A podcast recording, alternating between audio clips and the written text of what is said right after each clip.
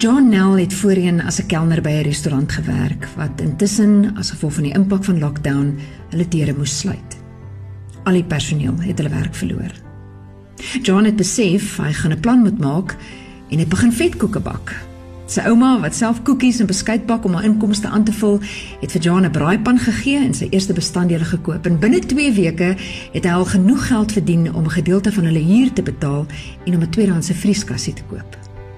Ons het by John en sy seentjie Leroux gaan kuier waar hulle woon. 'n Enkel garage wat in 'n tuinwoonstelletjie omskep is.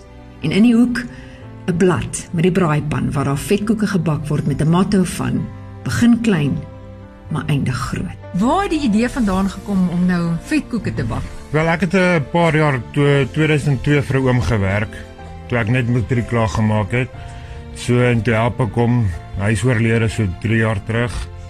En toe kom ek by met die idee op om voort te gaan met hom met die lockdown storie. Toe my restaurant toe gemaak het so. Julle is almal laat gaan. Al die waiters ja, almal, al die staf. Maar jou jou ma getuig so mooi van jou. Jy het eintlik dadelik ingespring en gesê wel gaan gaan lees nie 'n opsie nie. Ehm um, mm. so as 'n ou nou kyk na jou opsies en jy kyk na jou agtergrond en jou ervaring, ehm um, moet jy moet jy besluit op die vetkoeke.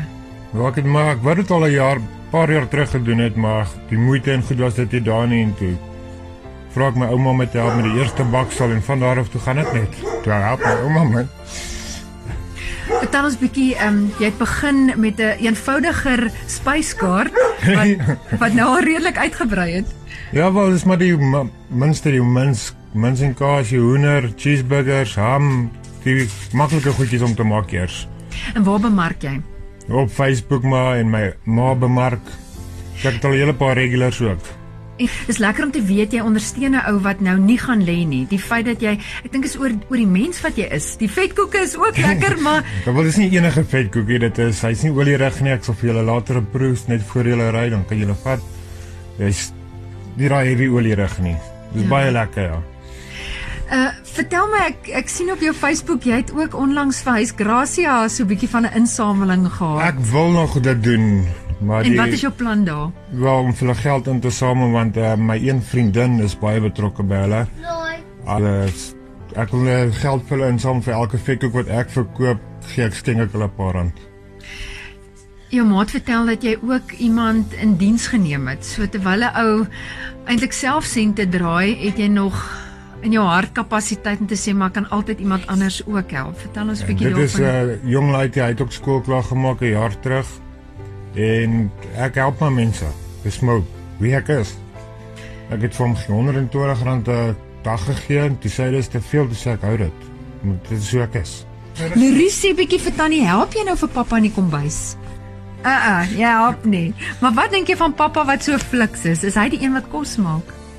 En mamma. En mamma, en help jy hulle?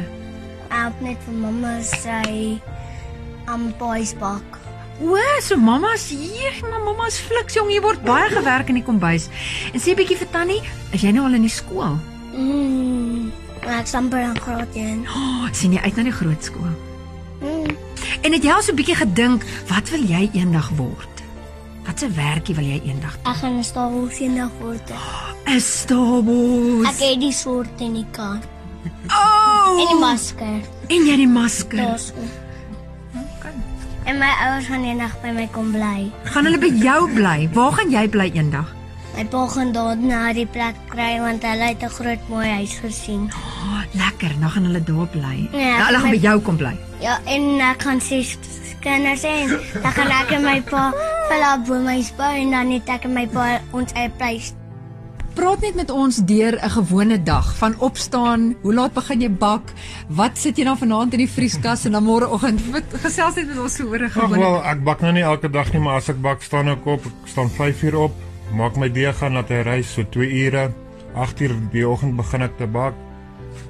En dan gaan ek dit vat 'n rukkie so 2 ure, veral as jy alleen is of dan vat hy dit word koud en dan sit ek dit in sakkies en in die vrieskas. En die vulsel?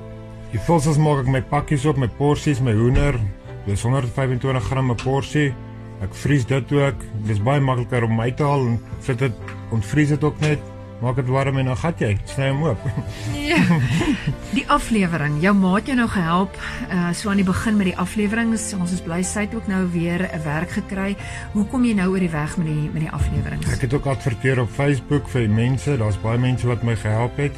So ek het nou 'n oom wat net teen Roseville bly. Hy het 'n bakkie en hy sê ek kan hom enige tyd skakel. So hy help my op regtig hoop. Soos ek sê ek bereid om altyd ekstra te gee vir mense. Dis dis hoe ek is. So ek gee hom die petrolgeld en dan ekstra vir hom vir die oom. Vertel my van jou gesondheid. Jou ma sê, ehm, um, jy het maar in jou verlede al bietjie gesukkel met ehm um, epileptiese aanvalle. Hoe is jou gesondheid op die oomblik? Ja, baie goed nou op die huidige oomblik. My vrou hou my darm in toom so. Dit's nie daai stresvlakke wat ek het nie. Ek doen my eie ding. So ek gaan aan. Ek staan nie stil in die lewe nie. Ja, wat is dit soos in jou hart of jy voel dit is vir jou so emosioneel? Soos wat wil jy soos deel? Ek weet dit is 'n Ja. baie diep vraag.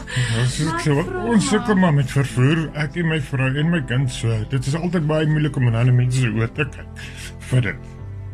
Maar dit is okay. Ek vind julle Ja. julle werk hard om weer daar te kom. So Jy sê julle het julle 'n karretjie gehad. Jy sê om weer 'n Ja, karretjie ons, te kry. ons het 'n karretjie. Ons het sommer Uno gehad wat mense vir net vir my gegee het, maar toe se ek in 'n ongeluk met hom en toe verkoop ek hom by iemand by my vrou se werk vir next to nothing so, maar ons gaan lê nooit nie.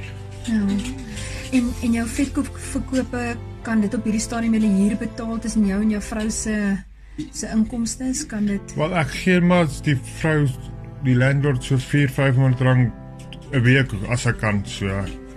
Dis sterk man. Jy Ja. ja. aan en dis net Ja, wel, dis wat ek geleer het, maar moet nooit opgee nie. Ek, maar wie het jou dit geleer? Waar kom daai gesindheid vandaan? Wel ek het maar swaar groot geword in die lewe, so my ma het vir ons gesorg vir ons drie kinders en ek gaan lê nooit nie.